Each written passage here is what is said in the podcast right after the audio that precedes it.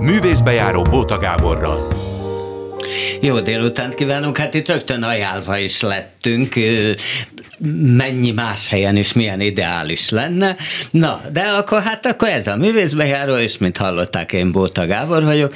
Elmondom a ma, mai menőt, először a hölgyet kéne mondanom, de nem ő lesz először, tehát először Hajduk Károlyt mondom. Ugye rengetegen ismerik, Katona József Színházban volt vagy, vagy hét évig, aztán utána elment alternatívnak, a Sputniknak, aztán ugye a Sputniknak elfejtettek pénzt, pénzt adni, akkor Víg Színház következett, és most visszament alternatívnak, mert olyan jó fizetnek ott, hogy nyilvánvalóan ez, ez, ez a fő oka, de ezt majd jól, jól megdomáljuk vele. És utána következik Ladik Kati, akiről nyilván elárulhatom, hogy nem, elárulhatom, ugye, hogy nem oly sokára 80 éves, és na, azt nagyon nehéz megmondani, hogy ő micsoda.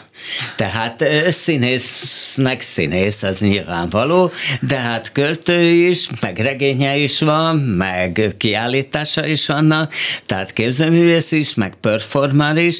Én egyébként, Kati, először talán a stúdiókában láthattalak én téged egy ilyen elképesztő, hát dögösen, ez ugye úgy is elterjedt, hogy ő a vetközős.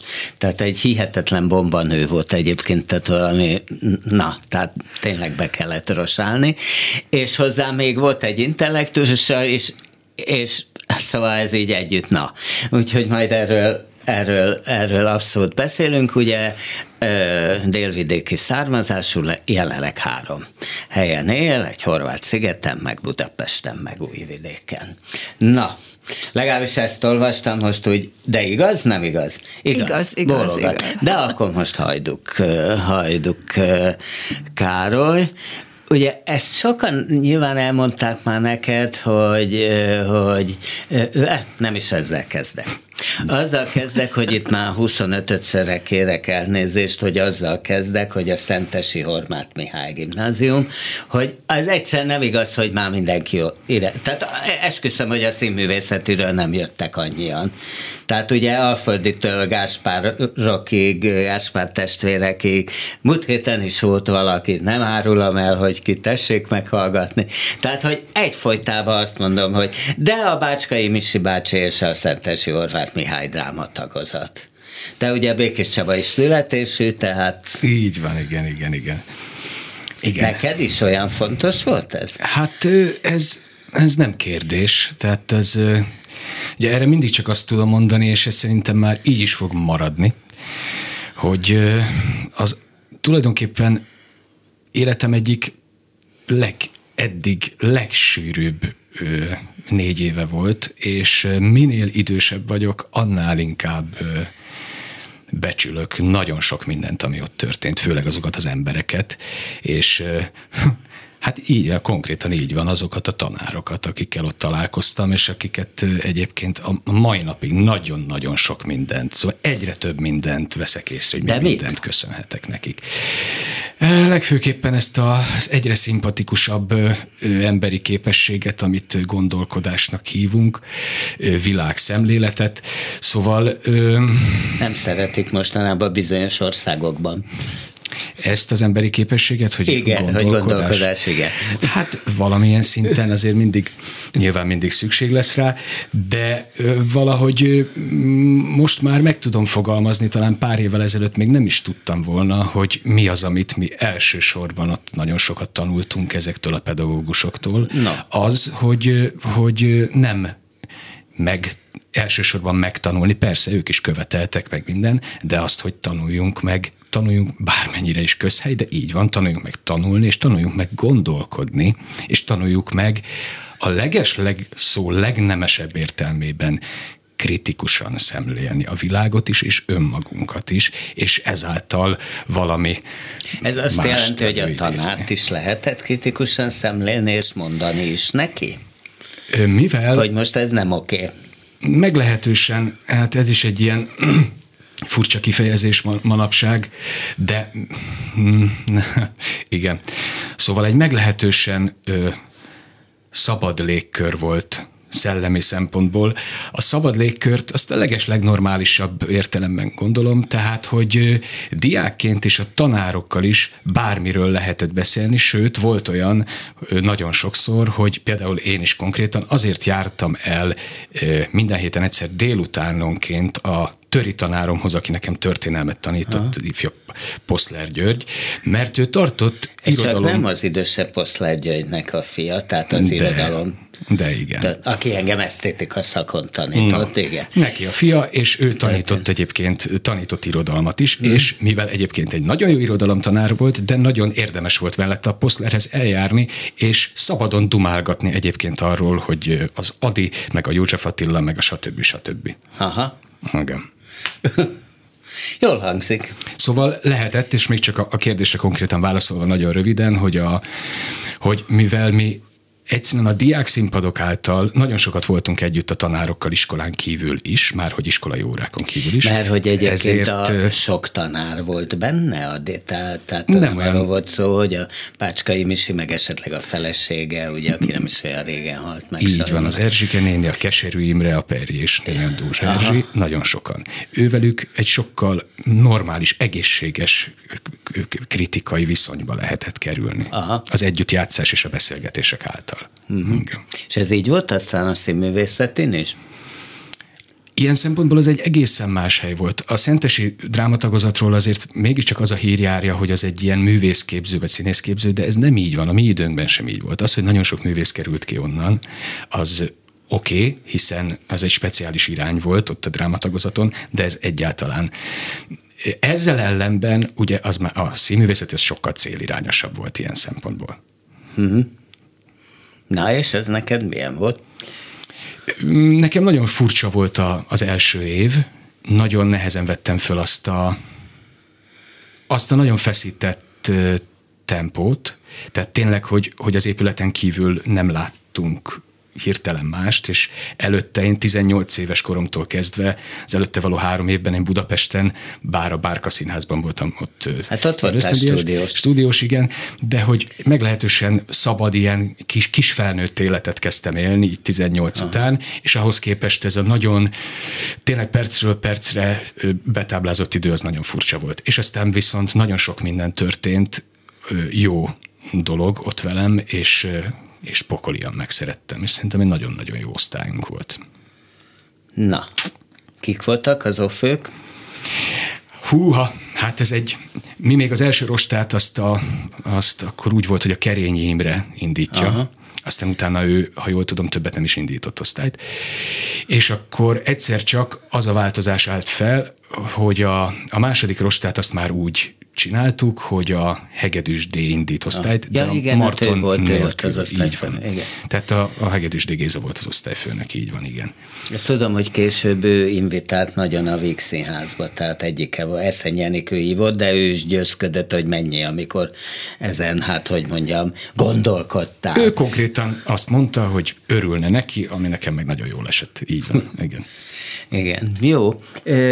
Hát egyébként ez, ez furi, ez a, ez a közszínház, meg meg egyre nagyobb az átjárás a közszínház és a függetlenek között, és ez tulajdonképpen jó, de hogy meg tudod-e mondani, hogy mondjuk egy, egy katona után, ahol ahol például, hát mit tudom én, 150-szer játszottál a Portugálban. Ugye ez egy szerepátvétel, de hát még így is jutott belőle ugye a férfi főszerepét a becét. Ott, ott akkor tulajdonképpen miért gondolod azt, hogy, hogy hát neked el kell menni egy bizonytalanba, egy Sputnik hajózási társaságba. Jó, ott van a Bodó Viktor, aki szintén elment a katonába.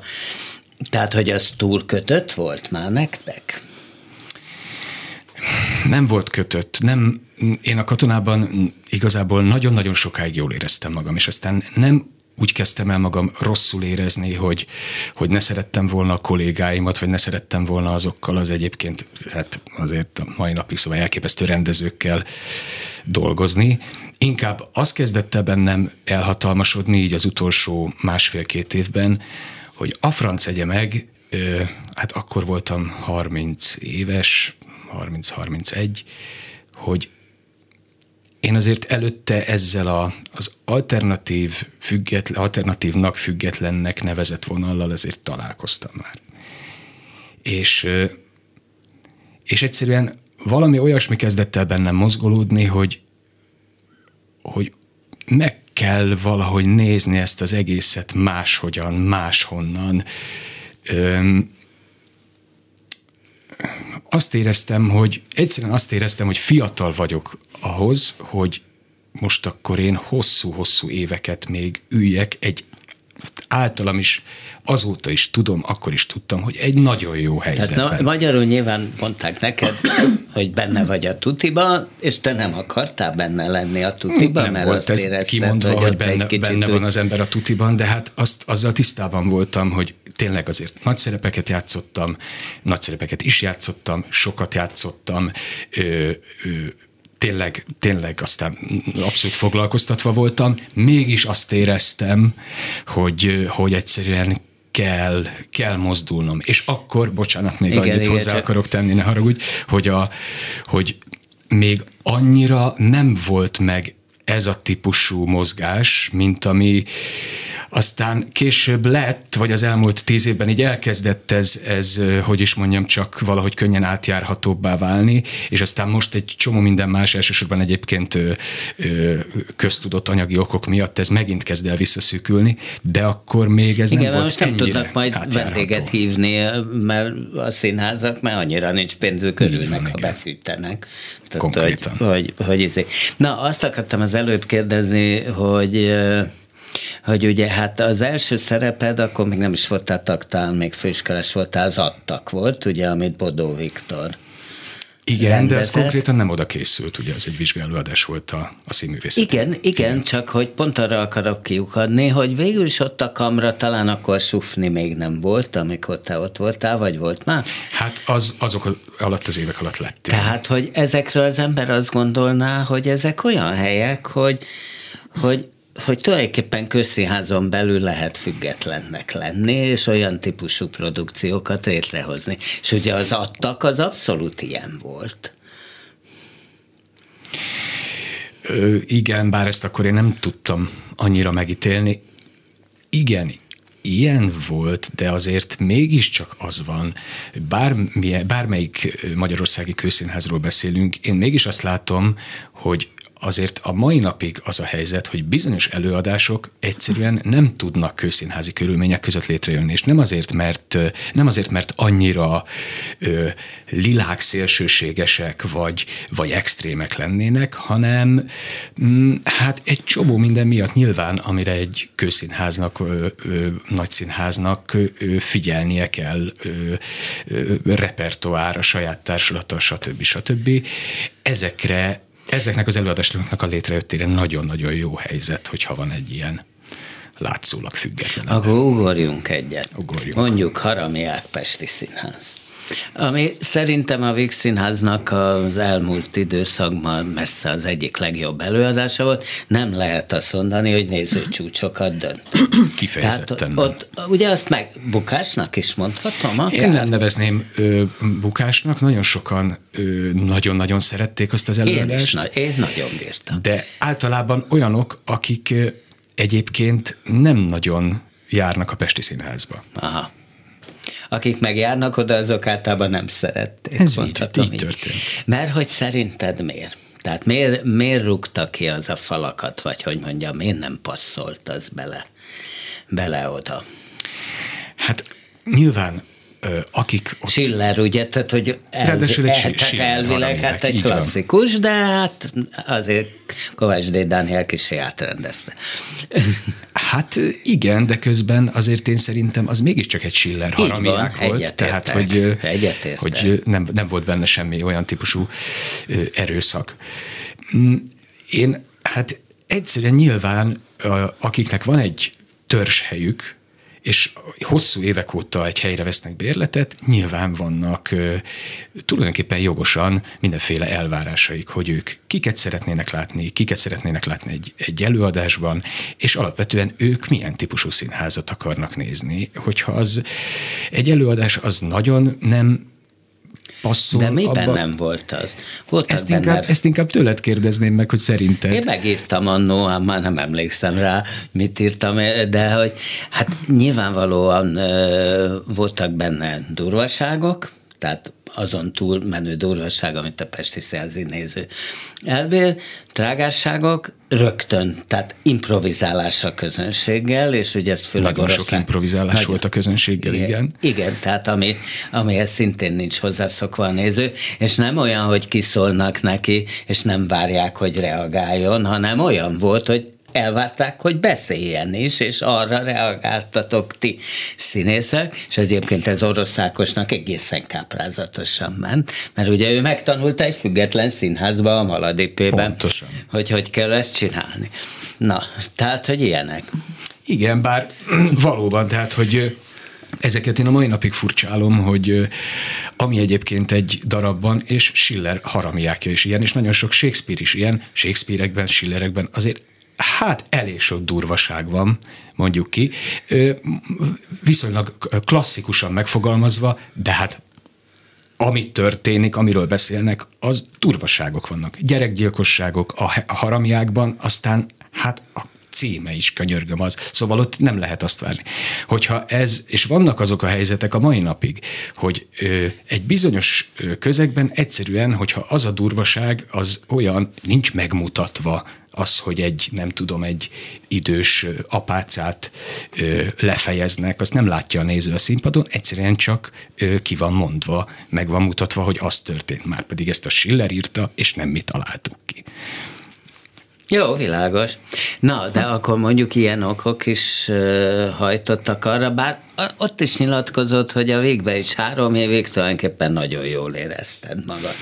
A végben nagyon-nagyon úgy tűnt, és valóban ezt nyilatkoztam, és tényleg ezt, ez van bennem a mai napig, hogy azt éreztem számomra is meglepő módon, hogy áj, itt most nagyon jó dolgok történnek. Nagyon ö, nem csak számomra, hanem tényleg nagyon sok ember számára inspiráló dolgok történnek. És aztán ö, egyszer csak azt kezdtem el érezni, hogy igen, de ezek megállnak azon a szinten, hogy, ö, hogy jó, rendben, volt van itt egy ilyen típusú előadás, akár van még egy ilyen másabb felfogású előadás, de egyébként a színháznak, és szintén értem, pontosan értem, hogy miért, de tartania kell magát egy csomó mindenhez. Mindig ezt szokták mondani, hogy de 1100 nézőt kell leültetni egy nap. Hát igen, Ugye a egyébként az a, nem, egy nem több, több dolog. az, mint 1002, igen. A, de nem, ja, de a Pesti Színház meg házi színpad az már 1006-1007, nem? Így van. Aha, igen, ezt szokták mondani. Igen. És hát ez... Ebben van valami. Tehát, hogy ez, ez, egy, ez egy vitathatatlan érv. Igen. Igen. Jó, nekem viszont ott van az a döntési szabadságom, hogy oké, okay, akkor azt mondja az ember, hogy na jó, akkor még nézelődjünk. De, de azért, kicsit. amikor mondjuk egy hamleten belül amiben jó, nem te voltál Hamlet. Lehet, hogy szerettél oda, nem? Egyszer, nem volt nem, már, nem. akkor az bennem, én már de hát, de hát idős azért akárhogy veszük, abba te vitted el a Tejföld színész királyként. Tehát azért egy hamletben belül József Attilát mondani, úgyhogy meg, tényleg megáll a levegő, és megáll az előadás és itt Katival izé, tehát hogy egyszer hallgass meg, hogy ő, hogy van, nem tudom, föl van-e véve. Föl van véve, igen. Tehát, hogy, hogy ott az a, ami megint váratlan, hogy a színész király elkezd József Attilát szavalni, és hát ennek még egy kemény politikai vetülete is van, és hát ez igen, ez a Vixiászban, hát ugye nem szoktuk ehhez hozzá. De tényleg megáll a levegő. Tehát azt még élek nem felejtem el, amit te ott produkáltál. Oké, okay, mondjuk, tehát azzal, hogy hogy kitalálták ezt a helyzetet, hogy akkor ennek egyébként tök legjobb tudomásom szerint voltak praktikus okai, hogy végül, végül az lett a döntés, hogy akkor nem egy színész csapat jön be, hanem... Ketten voltatok összesen. Konkrétan, konkrétan egyedül. Ne, de nem, nem volt még egy színész, nem? Te konkrét, akkor rossz láttad, de már rossz És akkor végül is ezt akkor, akkor az volt, hogy ne a hagyományos monológ legyen, hanem legyen ez a vers. Azért ez már eleve egy olyan helyzet, amit tehát, hogy egy színész, tehát, hogy azért azt lehetett, tehát én is éreztem, hogy ez egy, szóval igazából ezt, ezt csak elrontani lehet. Hmm, hát el lehet. Maradjunk annyiban. Ö, igen. És, és aztán meg azt, hogy hát azért mégiscsak ott van egy ilyen darab, mint a, a Hamlet, aminek szintén már előtte ott, mire mire a színészek konkrét esetben, adott esetben csak én megértez, megérkeztem, azért már ott egy nagyon, hogy is mondjam, csak egy nagyon Shakespeare-i szóhasználattal rendkívül bűzlő ország van ott, szóval az megint csak olyan, hogy ott, ott már József Attilának ezek a gondolatai, meg szavai, Hát az nem, nem kell sok, hogy az, az nem is tudom, pont, pontos irányba menjen.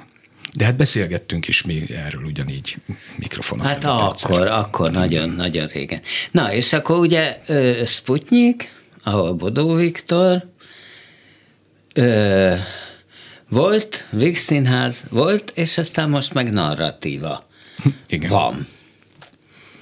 Ami Igen. ugye tulajdonképpen néhány rendező és néhány színész társulása, zömében azért a viszonylag fiatalabb, vagy inkább már középkorú korosztályból.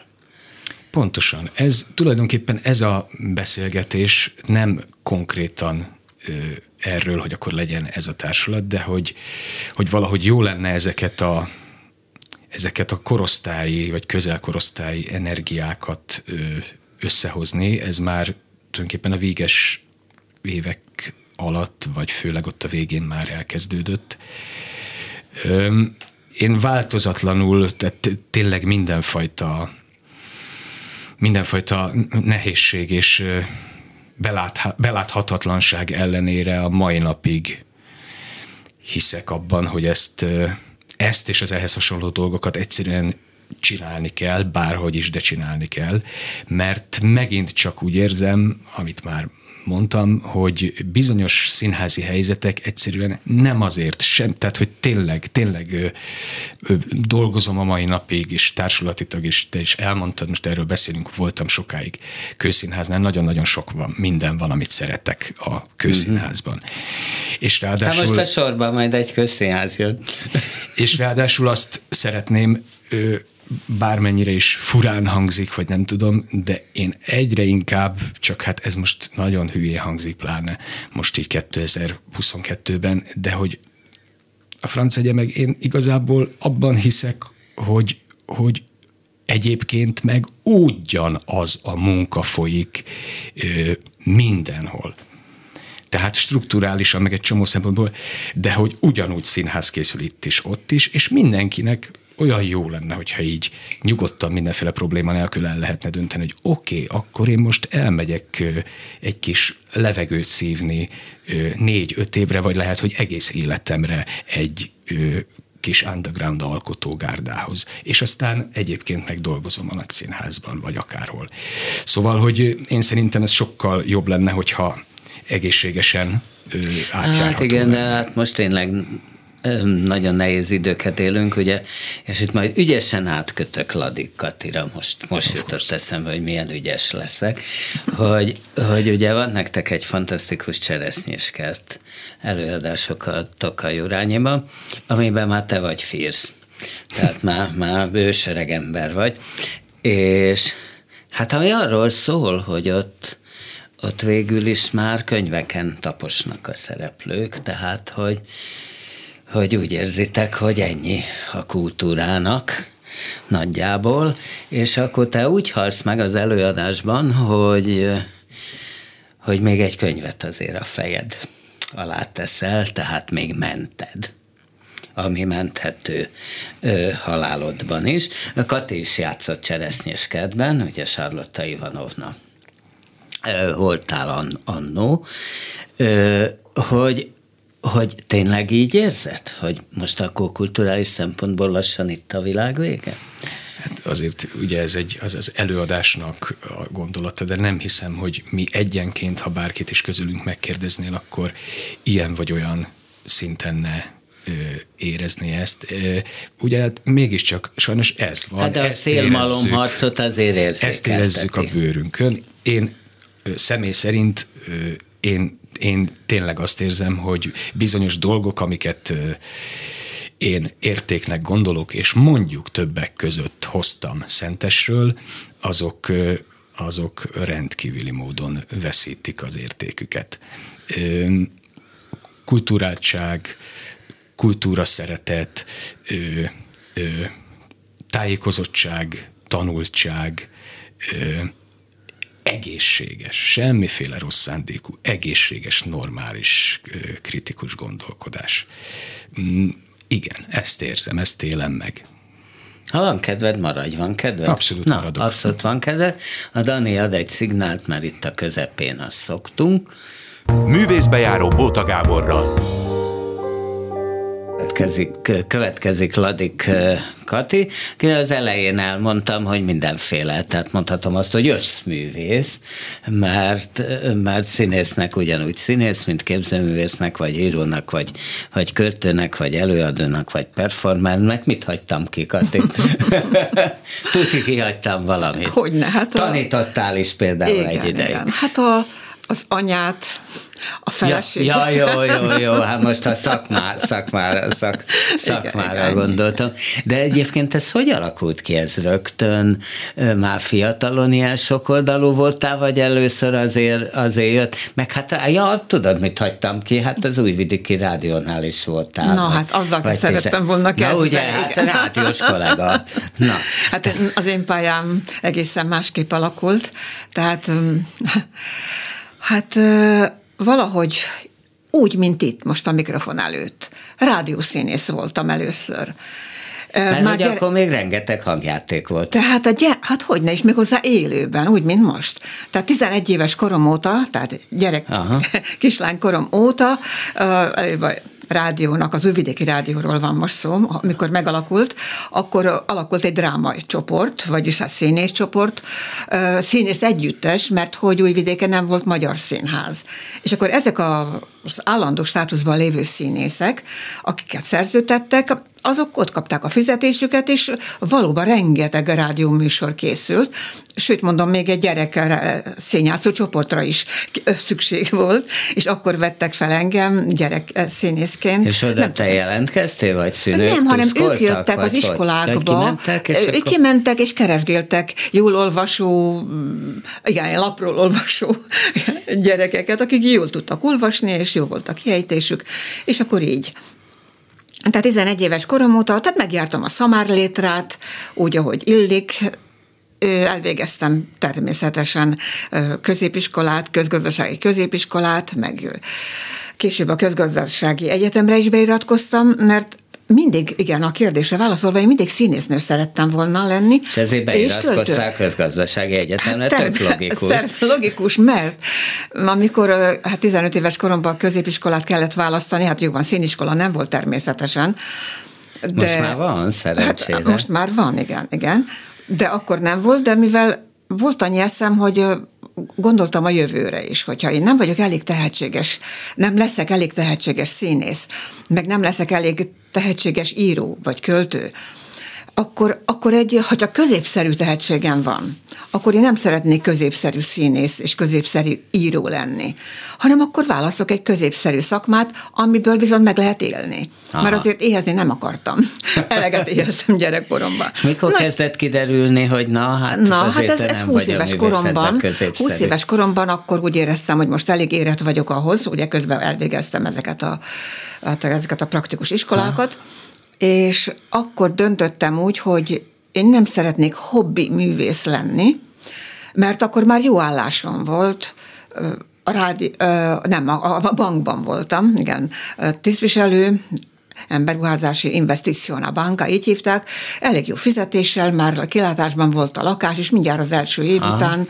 Tehát egy jó, egy konszolidált élet állt előttem, ami, ami, ami hát valójában ideális lett volna. És Amiből az... jól kiléptél még Hajduk Károly a közszínházakból, tehát látszak, te is benne voltál a tutiban. Úgy van, a tutiban benne voltam, és a rádiószínészek mondták, hát Kati, te hülye vagy, hát, hát attól te még játszhatsz a rádióban, meg minden. De mondom, én nem, én, én radikálisan művész akarok, szeretnék lenni. És ott hagytam a jól fizető állást, és eljöttem egy takarítónői állásba, állandó, állandó társulatba is, és és akkor Már így lett. melyik És így lettem a, tovább. Hol, hol lettél takarítónő? Lehettem volna, gondolom a fizetés. Ja, ja, ja, ja, ja hogy a fizetés. Igen, ja, igen jó, a fizetés olyan, mert a nővérem takarítónő, és azért mondom, neki még nagyobb fizetése is volt. Aha. Jó cégnél dolgozott, mint én, mint színésznő. És hát rádiós színésznő lettem, maradtam, mert más nem volt. Aha. És akkor ez eltartott jó tizenvalahány évig, 17 évig, ha jól emlékszem, mert és akkor alakult meg az újvidéki színház, magyar színház. Na most az idő alatt írtam verseket, és a rádió, a mikrofon előtt úgy éreztem magam, hogy hát mint egy nyomorék. Tehát tehát csak hanggal Aha. fejezhettem ki mindent, ugye hát azt tudjuk, hogy milyen egy rádió műfaj. ezek a hangversek, azok és már ez jönnek? viszont Tehát, segített abban, van egy ilyen fokozott úgy van, úgy van. mert hát énekelni. Akkor így, igen, igen a, a mikrofon az abban segített, hogy valóban kiismertem a mikrofonnak a, és a hangomnak a lehetőségeit. De de aztán persze, hogy kívánkoztam teljes színészé válni, hogy használjam a kezem, lábam, e, ilyesmit, és a, hát már majdnem 40 éves, hát 30 valahány éves voltam, amikor mm, hát egyszerűen úgy éreztem, hogy színpadot kell csinálni magamnak, teremtek magamnak egy színpadot, önálló esteket, de nem hagyományos ilyen versmondó esteket, mint ahogy a színészek egyébként szoktak, hanem a saját verseimmel a hangköltészetemet is előadom. És így lett ilyen jellegzetes saját önálló estem, amelyet persze Szerb, Jugoszlávia területén, szerb területen úgy alakítottam, hogy a verseket, bizonyos verseket magyarul mondtam, de a hangköltemény az érthető volt mindenki számára, és tehát nem csak hangban. Igen, van is egy írás rólad, amiben az van, hogy tám Pozsonyba léptél föl, vagy hol valami fesztiválon, vagy nem tudom hol, és hogy te voltál az egyetlen, akit nem kellett lefordítani, mert hogy te kiálltál, és mondtad a saját anyanyelveden, és az mégis Igen, igen, mégis volt. hatott. Igen, mert annak van egy zeneisége. Van, van, mert olyanokat mondtam magyarul, amelyek népies hangulatúak, meg hangköltemények, amelyek a magyar népdal, hát a magyar hang, magyar magánhangzókra alapulnak, tehát, és főleg érzelmeket fejeznek nem ki. Nem tudsz mutatni és, ebből ö, valamit? Tehát, hogy nem, nem, nem ilyen, tehát nem a hagyományos népdal, mert ez Persze, nálad valami nem, szürrealizmussal, nem. meg minden félével keveredik. Van, van. Tehát, hogy... tehát arhetipusokat közvetítek ezekkel a magyar ö, általam népi rítusnak nevezett, tehát rituálékra előadott de hát ez mondom, ez a, a saját, tehát a siratók, vagy de de főleg vagy, vagy gyermek mondókának titulált, Aha. de valójában önálló hangköltemények. Hát, na hát az, amit megértenek, még hogyha magyar szövegen is alapul, a saját szövegemen persze, akkor is valami átmegy, átmegy, mert ez nem csak hangban adom elő, hanem látványban is. Tehát, mint színésznő, tehát ott van itt mimika, meg gesztus is hogy mi az, hát amit meg most... egy erőteljes testnyelv, igen, mondjuk igen, azt. Igen, igen. Na most, hogy mi az, amit most mikrofonon átjönne ezekből? Na. Hát, hát talán olyan, ami, ami elsősorban hangon, hangra épül, igen, nem annyira látványra. A,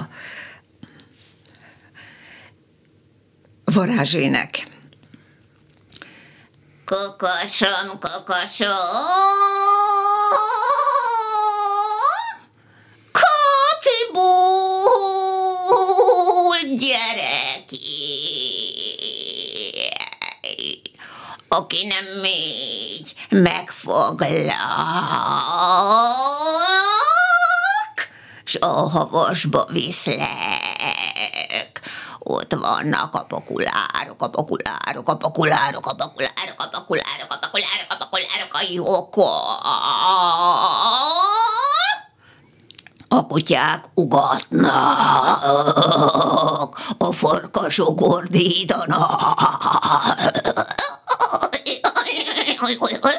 Tégedet széjjel tépnek.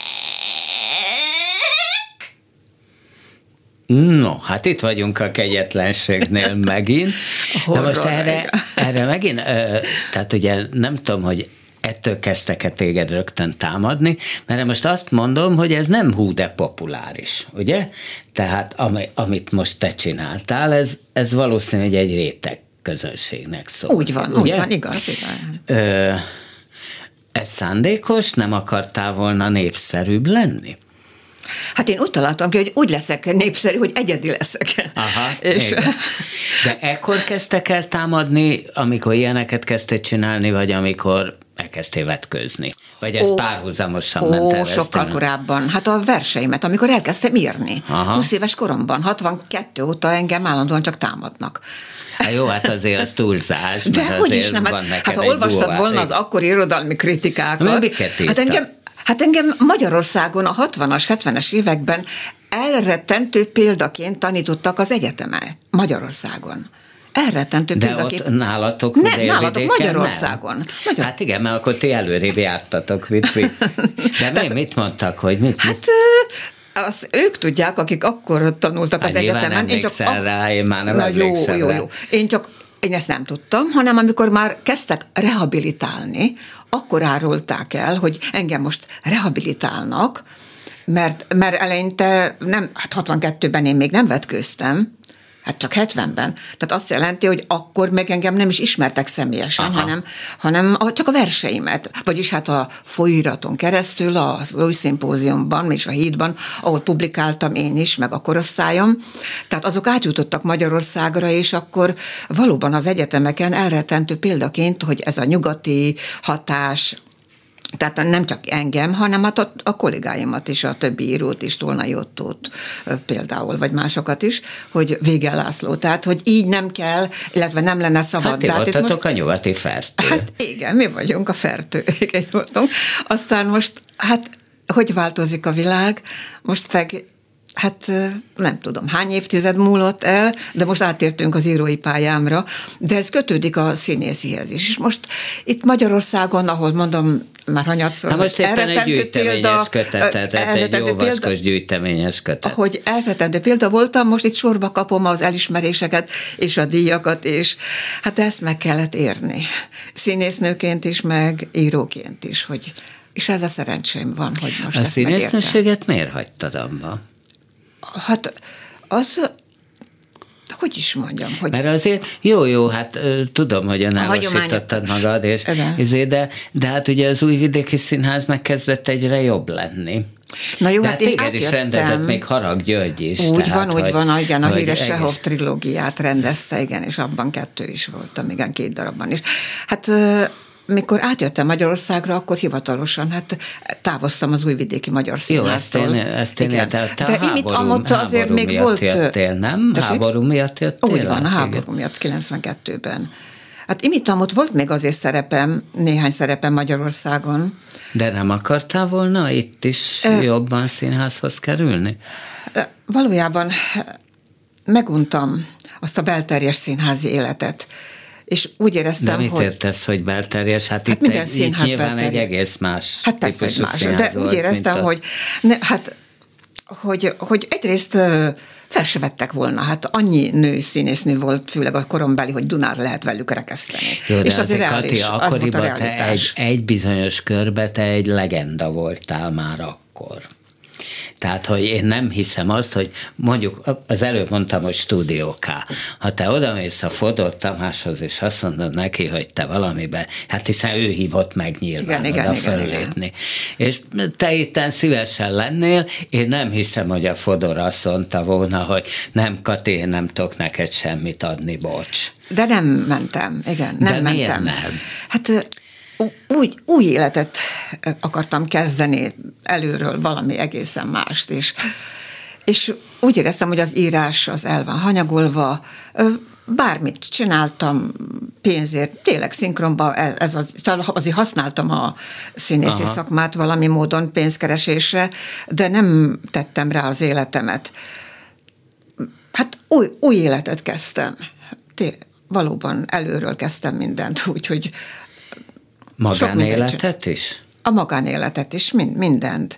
Tehát, hogy mindent ott, ott akartál Mindent ott hagytam, mindent ott hagytam. Egyedül éltem vidéken, tehát nem volt kit Aha. ott hagynom. A fiam már Magyarországon élt, és akkor új magánéletet is kezdtem.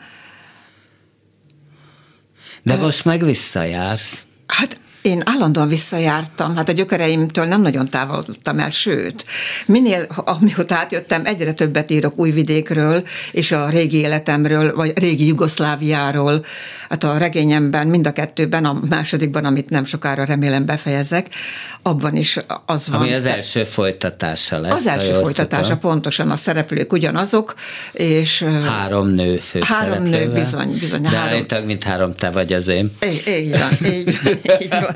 és a három helyszín, tehát De ez Újvidék, melyik? Budapest, és uh, ugye az Adriai tengeren a Hvár szigete. Ez a három helyszín folytatódik az életemben, és hát erre alapoztam ezt az új életemet itt Magyarországon. De ez megfogalmazható, hogy mit jelent neked ez a három helyszín? Tehát, hogy miért, végül is miért ez a három van, és melyik mit jelent? Hát soha nem gondoltam, hogy én elhagynám Újvidéket és a Jugoszláviát, Aha. ugye, ahogyan ismerjük. De hát nem én lettem hát hűtlen, a Jugoszlávia hanem a... elhagyott téged. Igen, a Jugoszlávia megszűnt. Igen. Megszűnt, és ezek a dolgok, ahogy megszűnnek, akkor nekem újra el kell kezdeni úszni valahogy, ugye feltalálni magamat. Érdekes módon Budapesten az az épület, ahol 22 évig éltem, a Soroksári úton, az is el fog tűnni. Fel fogják robbantani, megsemmisítik. A földdel lesz egyelővé. Valahogy úgy eltűnnek az életemből dolgok. És ez megvisel? Hát elgondolkoztat. Elgondolkoztat, de újra fel kell találnom magam. Tehát ez a nem is túlélés ösztöne, de valahogy nem tudom, a létezés ösztöne. Tehát valami módon az új helyzetekben is feltalálni magamat.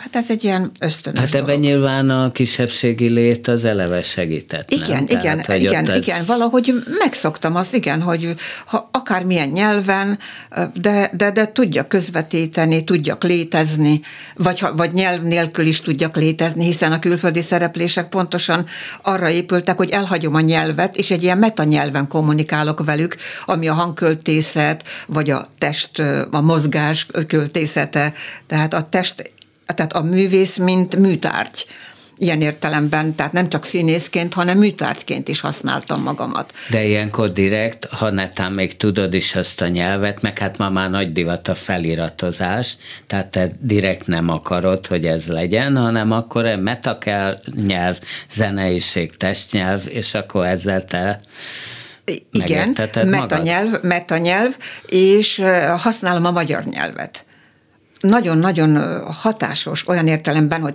sokat ki tudok fejezni a magyar nyelvvel, ami a, a, a a, látó, jó van, a nézőnek vagy a hallgatónak a veleig, a vesélyébe hat. Mert úgy érzik, hogy valami ősi ö, tudást, vagy valami mágiát ö, adok elő, vagy rájuk vetem ezt a mágikus hatást.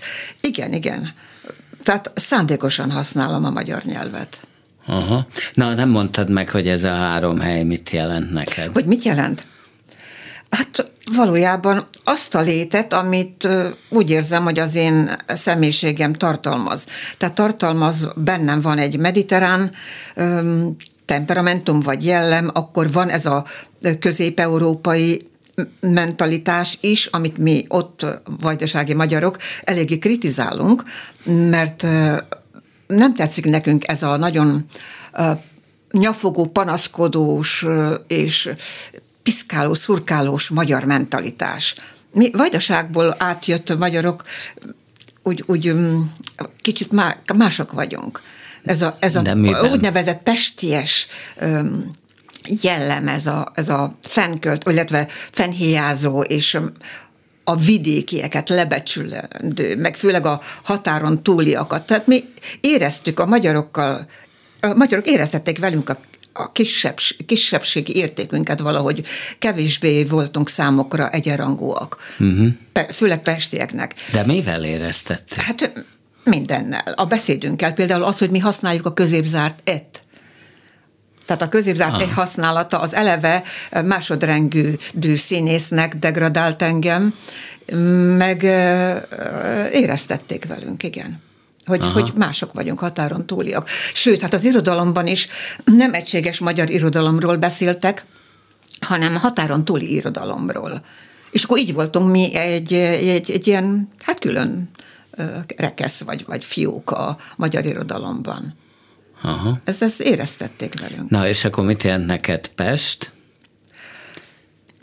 Ez egy ilyen kényszerű, kényszerű átköltözés. Én soha nem kívánkoztam Pestre, de hát a történelem hozta azt, hogy, hogy megszűnt. Ugye a lehetőség Jugoszláviában mármint a Jugoszlávia területén folytatni a tevékenységemet, ezt a multimediális tevékenységemet, ahogy mondtad is, akkor, hát akkor átköltözöm a fiam közelébe leszek, és egy új életet kezdek. De érdekes módon én azt hittem, hogy teljesen mással igen, egy ideig egészen mással foglalkoztam, másképp kerestem a pénzt, meg minden, de... De mi, mi, mi volt hát ez? az, hogy tanítottam, meg az élet és irodalomnál voltam rovatszerkesztő, versrovatszerkesztő. Ja, az élet és irodalomnál igen, volt, igen, de az mondjuk egy nagyon rövid időszak Igen, rövid volt. ideig, miért, igen. miért volt az olyan rövid? Hát így, így alakult így De alakult. Tehát egy, egy ilyen nagyon húzatos állás volt, nem csak nekem, másoknak is, úgyhogy... Mert miért? Hát miért? Hát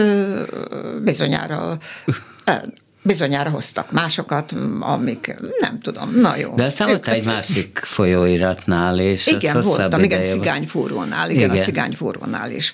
De az hosszabb, az hosszabb Igen, az, az hosszabb volt. Hát az egy egészen alternatív, igazi ellenzéki folyóirat volt. Na, tehát lényeg az, hogy mások, más dolgot csináltam, de, de visszataláltam önmagamhoz. Nem olyan hosszú idő után itt is újra folytathattam a performanceket, a hangköltészetet, és az, hogy az útlevéllel, magyar útlevéllel utazhattam. Hát engem a jugoszláv útlevél az évekig, a 80-as évek közepétől, mert a Jugoszlávia embargó alatt volt, tehát a jugoszláv útlevéllel sehova nem utaztam. Utazhattam a 80-as évek közepétől, egész 90, tehát, egy, tehát 8 év kiesett az életemből, megszakadt minden külföldi kapcsolatom a jugoszláviai útlevelem miatt, mert hogy Milosevic, hát te talán még emlékszel rá, hogy milyen politikus volt, aki hát akit elítélt a világ, és azt, amit csinált az emberekkel, meg a politikával, és nem utazhattam, én sem, meg mások sem. Mások sem utazhattak, úgyhogy megtudtam, hogy mi ez egy Erdélynek, vagy Magyarországinak lenni, aki nem utazhat nyugodtra. Tehát így volt, megszakadt a karrierem, és aztán 6-8 év után Magyarországon magyar útlevéllel újra újra utazhattam, a meghívások persze az idő alatt megszűntek, de most újra felé lettek, és azóta járom a világot, és folytatom, de ez a világjárás, ez elsősorban, elsősorban performanceket jelentett abban az időben, meg hangköltészetet, de most már nagyon sok versem le van, lefordították né, angolra, németre, meg más nyelvre, tehát most íróként is járom a világot, vagyis hát... Hol, mer, mer, milyen? Mer, hát bárhol német nyelvterületen, angol nyelvterületen. Hát igen, igen. Na, és a sziget az azért kell, hogy az ilyen a nyugi sziget, elbújás a világtól, úgy van, és ott úgy egyrészt, tehát ezt már nagyon, hát 30 valahány éves voltam, 35, így valahogy, amikor először jártam a szigeten, de Mondd ki a nevét, Vra... nem, nem, nem fogom tudni, mondd a sziget nevét. Havár. Olyan, Na, mint tudtam, a, hogy ezt olyan, nem mint a vár, kimondani. csak van egy havár. Aha. Na most ez valójában a szanszkrit neve, tehát Hvár, később ugye a görögök, görög fennatóság alatt volt, akkor Fárosz volt, Aha. Fárosz. Hát és azt a, úgy, igen, igen, úgy na most akkor igen, visszakapta, igen. Aztán volt más neve is, uh, Liesna, fenyves, de amit persze a velenceiek kiírtották, úgyhogy Kopár-sziget lett, mind a többi egész adriai tengerpart Kopár lett, mert a velencei ugye hajó építők abból a a dalmát fákból építették, Aha. fenyőfákból építették a hajókat. És akkor most milyen? Kopár. Most hát is kopár. kopár. És akkor mi tetszik neked benne? Tessék? Akkor mi tetszik neked bennem? Akkor miért? Hát, miért hát hogy ne? Hát az, itt vannak az őselemek, a szikla, a, a szél, a víz, hát, hát hogy ne, a napfény, hát az őselemek itt vannak, és olyan jó elvonulni, főleg amikor nincs már turizmus, ugye a turista szezonon kívül előtte vagy utána, hát akkor ott van az ember, az a tudat, hogy sziget és tenger vesz körül, és nincs menekvés, akkor szembesülni kell önmagammal. És és totál egyedül mész? Hát, ha vagy tehetem, viszed a férjedet? Vagy... Hát nem, hát nem. amikor írni megyek, akkor totál egyedül megyek, aha. igen, igen, igen. A turizmus a nyára alatt, akkor a család van ott, ugye. Aha, aha, értem, értem, de ilyenkor, mit tudom én, mobil se veszed föl? Hát meg... eleinte hál' Istennek nem volt telefon, se semmi, se internet. Hát most 70 hét óta van, van az a házam, úgyhogy hát akkor eleinte hetente egyszer lementem a postára, és akkor telefonáltam, és kész. És akkor mentek a levelek, ugye öt napig, egy hétig, és akkor az így jó volt. Akkor jó volt, de most, amióta ott van ugye az internet, meg minden a házban, hát azóta ugyanaz, mintha itt lennék a városban, Pesten. Ügyintézés van tehát már nem az, nem az, mint régen. Na, és akkor most megjelent ez a gyűjteményes kötet, ugye? Igen, ez a gyűjteményes kötet. Ez 70 év. Nem? Uh, hát, hát hogy nem. vesszük, várjál, 62-től nem, 22 akkor nem 60, tudom, hogy 60 ki, ezt olvastam. 60 év. 60 év, 60 év, 62-től 2022-ig az 60 év, ugye? Hát, tehát ez 60 év anyaga most, ugye? Hát igen, ez is nagy munka volt. Az a címe, hogy idővitorla. Tehát ez is jelképezi ugye az idő múlását és a lengedezését. Hát igen, a fórum, az Újvidéki Fórum kiadó adta ki. Nagy munka volt a kötetnek a szerkesztése, hát egy, hogy mire fókuszáljak, hát időrendi sorrend illene, ugye, de hát az az időrend... De ezt fölborintottad. Kis. Tehát ilyen, temat, ilyen Igen, igen, kis. Hát nem értem oda, érdekes lett volna, hogy látni az olvasónak, hogy hogyan kerül oda egy 60-as évek vers, 60-as években író vers, íródott vers egy, mit tudom én, a mostani uh-huh. versekhez, de inkább ilyen érettséget, vagy inkább életkor szerint, tehát a fiatalság, a dinamikusság, a játékosság jellemzi ugye a fiatalságot, meg a fiatalkori verseimet, de nem feltétlenül csak a korai versek kerültek be, hát később is voltam én játékos, meg vagyok is játékos, akkor később ugye a következő ciklusok már ugye az érettebb nő és az érettebb költőt, meg hát a téma is, ugye erotika, szexualitás, termékenység, meg ilyesmi, és a későbbi ciklusok, meg már ugye a gondolatibb, a mulandóság, meg az ilyesmi. Bár a mulandóság az a legkoraibb verseimben is megjelenik. Tehát ilyen értelemben épült fel ez a, az, az Idővitorlat című verses kötet. Hát Kati, azt kell mondjam, hogy a műsoridő is mulandó, és a végére, bizony a végére, bizony a végére értünk. Nagyon köszönöm, hogy jöttél. Ladik Kati, aki nem sokára 80 éves, író, költő, előadó, művész, színész, performán, képzőművész volt a második vendég, és a, az első részben pedig a kiváló színész Hajduk Károly, aki itt is maradt, és végig is hallgatta Ladik Katalint, még hogyha hallgattakon is, de majd utána most lehet azért dumálni. Kemény Dániel, ahogy megszokták, ült a hangpult mögött, én Bóta Gábor voltam, ha van kedvük, hallgassák meg este 11-kor az ismétlést, és hát most ott a másik mikrofonnál szintén egy hangművészül, hallgassák meg Suba Krisztina mély ilyen búgó hangját a hírekkel a viszonthallásra. Művészbejáró Bóta Gáborral.